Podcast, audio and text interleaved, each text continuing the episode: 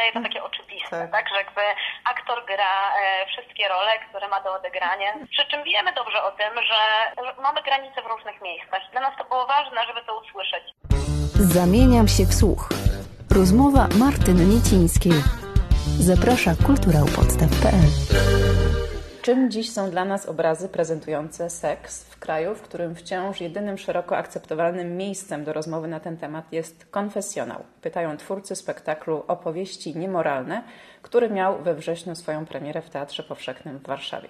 To składający się z trzech autonomicznych części współczesny traktat stawiający pytanie o to, czy seksualność jest dzisiaj przestrzenią wolności czy zniewolenia. To opowieść o domu i rodzinie, o kinie, o teatrze, o naturze.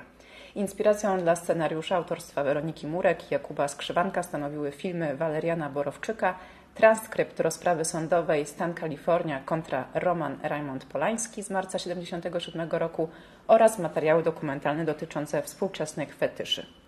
Niezwykłą rolę w tworzeniu tego spektaklu odegrały konsultantki scen intymnych Agnieszka Róż i Jewgenia Aleksandrowa.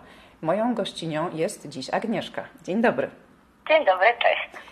Agnieszka przez wiele lat związana z poznańskimi teatrami i galeriami sztuki, wieloletnia kuratorka generatora Malta wraz z Joanną Pańczak, obecnie twórczyni programu dla młodych dorosłych w ramach Malta Festiwal Poznań i kuratorka Instytutu Otwartego w Warszawie. Leży jej na sercu równość, wolność i siostrzeństwo.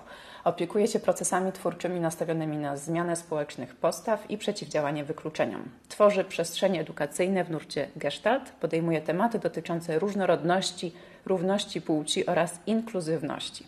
Wśród swoich licznych zajęć zdołała zająć się nawet produkcją serialu podcastowego Familia o nieheteronormatywnej rodzinie w Polsce. A jak to się stało, że zostałaś, jak przeczytałam, pierwszą w Polsce konsultantką do scen intymnych w teatrze? Drobnego sprostowania, bo wydaje mi się, że jestem jedną z pierwszych konsultantek sterylności mhm. czy, czy koordynatorką intymności. Osoby różnie nazywają ten fach.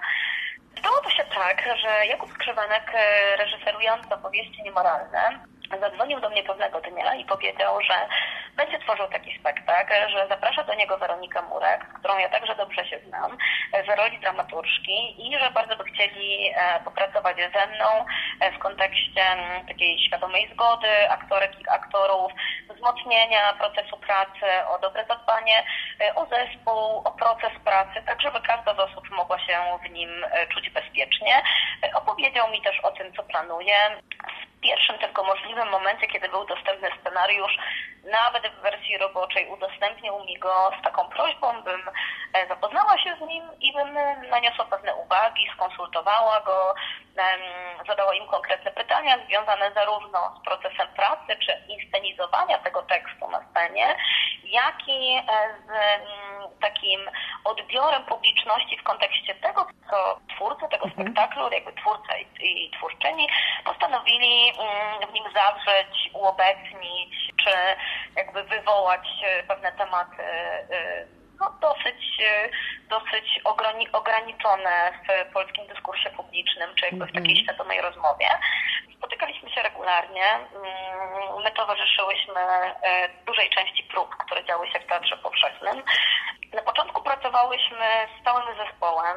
Z jednej strony opowiadając, na czym nasza praca będzie polegała, dojaśniając, że nie będziemy cenzorkami, które będą e, tutaj e, decydowały, co wolno, a czego nie wolno, a raczej będziemy osobami, które będą słuchały potrzeb i obszarów brzegowych każdej aktorki i aktora zaproszonego do, do pracy przy tym spektaklu. Zadbałyśmy o to, żeby opowiedzieć, jakie są możliwości względem metod i zasad mm -hmm. naszej pracy. Ale, ale może powiedzmy, tego, powiedzmy wprost, że chodzi o to, że rozmawialiście o granicach intymności i, i cielesności. Na początku rozmawiałyśmy z zespołem aktorskim o tym, co konkretna osoba decyduje się pokazać, mm -hmm. z czym się czuje komfortowo, które części ciała są e, takimi, które są dla niej zielonymi strefami, które są żółtymi strefami, które są czerwonymi strefami.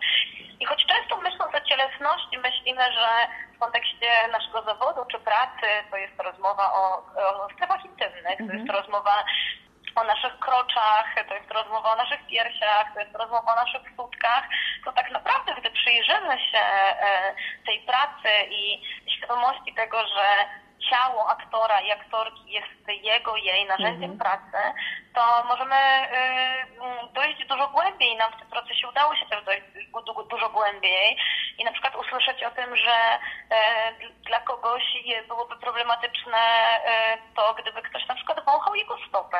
Mhm. I z racji tego, że spektakl ten dotyczył takich, a nie innych zagadnień, jakby obracał się także w tematyce współczesnych fetyszy, współczesnych stabilizowanych zagadnień, które w konsekwencji przeradzają się w fetysze seksualne, których oczywiście nie ocenialiśmy z punktu widzenia, e, czy to jest dobre, czy złe, czy jest poprawne, czy niepoprawne, czy my się na to zgadzamy, czy się nie zgadzamy, tylko pokazywaliśmy, że to jest, że tak naprawdę żyjemy w rzeczywistości, w której to też jest częścią naszej seksualności i mocno stawiając granicę pomiędzy seksualnością a przemocą seksualną, mm której mamy wrażenie, wszystkie realizatorki, bo to jest też ważne, że zdecydowana większość naszego zespołu to były realizatorki, było dwóch realizatorów, jeden z nich był reżyser i dyrektor tego spektaklu, czyli Jakub, a drugim z nich był Kostek Usenko, który tworzył muzykę. Pozostałe osoby mm, realizatorskie to były kobiety, mm, więc e, więc to też było dla nas jakąś taką ciekawą i odkrywczą pracą. Rozmawialiśmy też z zespołem aktorskim o e, różnych doświadczeniach z przeszłości, tak? O tym, jaka forma bliskości z innymi aktorami aktorkami jest dla nich okej. Okay. Nam się wydaje to takie oczywiste, tak? tak? Że jakby aktor gra e, wszystkie role, które ma do odegrania, tak jak mhm. każda i każdy z nas wykonuje swój zawód od początku do końca. Przy czym wiemy dobrze o tym, że mamy granice w różnych miejscach. Dla nas to było ważne, żeby to usłyszeć. Ważne było dla nas też dojście do takiego punktu, w którym wiemy, jakie doświadczenia stoją za każdą aktorką i aktorem. Jakie doświadczenia, czasami traumatyczne, czasami trudne, czasami niewyjaśnione, niezawaluowane, powodują, że konkretna aktorka czy aktor nie decyduje się wchodzić w pewne sytuacje, e, bądź się tego boi, mhm. bądź tego po prostu zwyczajnie nie chce. E, także mm, nasz proces pracy z jednej strony dotyczył cielesności, seksualności w takim rozumieniu indywidualnym, tego, jak dana aktorka i aktor chce pracować. Z drugiej mhm. strony związane to było z procesem grupowym, czyli na co się zgadzamy, gdy jesteśmy razem, na co zgadzamy się w połączeniu dwójkowym, e, na co zgadzamy się w połączeniu wieloosobowym, jakie formy pokazywania e, czy jakby reprezentacji wizualnej, bliskości mogą się wydarzyć w planie bliskim, jakie mogą się wydarzyć w planie szerokim jakby takim mniej szczegółowym. Mhm. I, I tak naprawdę na podstawie e, tej pracy z zespołem aktorskim wypracowałyśmy zestaw rekomendacji i taki, można by rzec, regulamin pracy, po prostu zestaw dobrych praktyk pracy, który pozwoli nam wszystkim um, czuć się na planie bezpiecznie. No tak, to jest, to jest w ogóle wielka rzecz dla aktorów i dla nas widzów, e, bo, bo my widzowie sobie uświadomiliśmy, że, że halo, ale w zasadzie dlaczego my uznali, uznawaliśmy przez lata, że, że rozbieranie się aktorów to jest jakiś stały element ich, ich zawodu, to o czym wspomniałaś, że to jest pewnik. Zapomnieliśmy, że też odczuwają wstyd, że mają swoje granice komfortu i że to nie spływa zawsze po nich jak po kaczce. Gdzieś tam y, pojawiały się jakieś informacje, że na przykład Maria Schneider borykała się z ogromnymi problemami psychicznymi po kręceniu ostatniego tanga w Paryżu, że niektóre sceny seksu w ogóle nie były z nią konsultowane, czy tak naprawdę dochodziło do, do gwałtu na planie. Ale to wszystko się wydawało jakimiś takimi osobnymi przypadkami. A nagle, dzięki Waszej pracy konsultantek do scen intymnych, y, zaczęliśmy patrzeć y, na aktorów jak na ludzi. Ja może tutaj dodam, bo wydaje mi się to ważne, że ja jestem osobiście bardzo głęboko przekonana, że to nie dzięki naszej pracy, tylko dzięki odwadze wielu aktorek e, i aktorów do mówienia o przemocy, której doświadczyli na planach. Mm, dlaczego potraktowaliśmy to jako przypadki indywidualne? Mhm. Mogłyśmy i mogliśmy to tak traktować, dlatego że nikt nas, widzek i widzów, nie zaprasza do świata teatralnego. Nikt nas nie zaprasza do wnętrza teatru. My widzimy efekt końcowy i z racji tego, że dzieją się na scenie, bądź dzieje się w filmie, wydaje nam się, że to wszystko jest fikcja, że to, czego doświadczamy jest e, jakąś formą artystycznego zobrazowania e, pewnego kontentu, który dany twórca czy twórczyni chce nam przekazać. Prawdą jest, że to są miesiące pracy, które zawsze wyglądają inaczej. Mm. Tak jak każda i każdy z nas ma swojego szefa. Jeden z nas ma wspaniałą szefową bądź szefa, z którą pracuje się świetnie. Inna osoba słuchająca naszego podcastu ma może szefową bądź szefa, który narzędzi, jakimi jest mobbing, manipulacja, przekraczanie granic, niezgadzanie się na urlop, wymaganie ponadludzkie siły.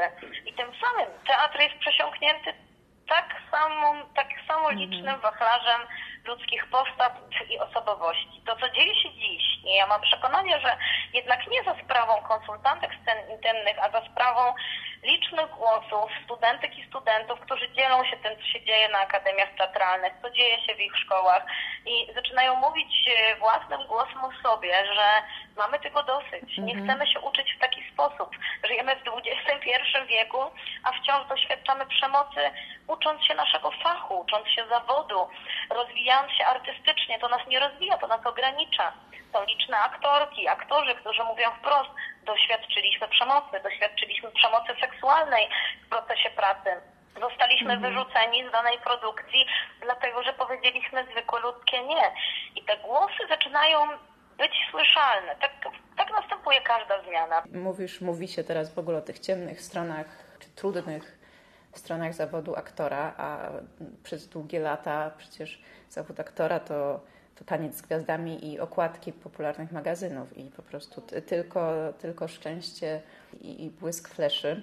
Ale też fakt, że te sceny intymne są tak przemyślane i dopracowane, to sprawia też, że zdecydowanie lepiej czuje się widz na widowni, bo ja nieraz byłam zażenowana patrząc na nagie ciało aktora, kiedy nie widziałam w ogóle uzasadnienia takiej, takiej sytuacji. To jest naprawdę chyba, chyba korzyść e, dla, dla wszystkich. I publiczność rozumie, dlaczego, dlaczego jest tak, tak przedstawiona scena, albo docenia to, że na przykład tak jak to zrobiliście w opowieściach niemoralnych, scena e, gwałtu nie wygląda w ogóle na scenę seksu, tylko po prostu na scenę przemocy.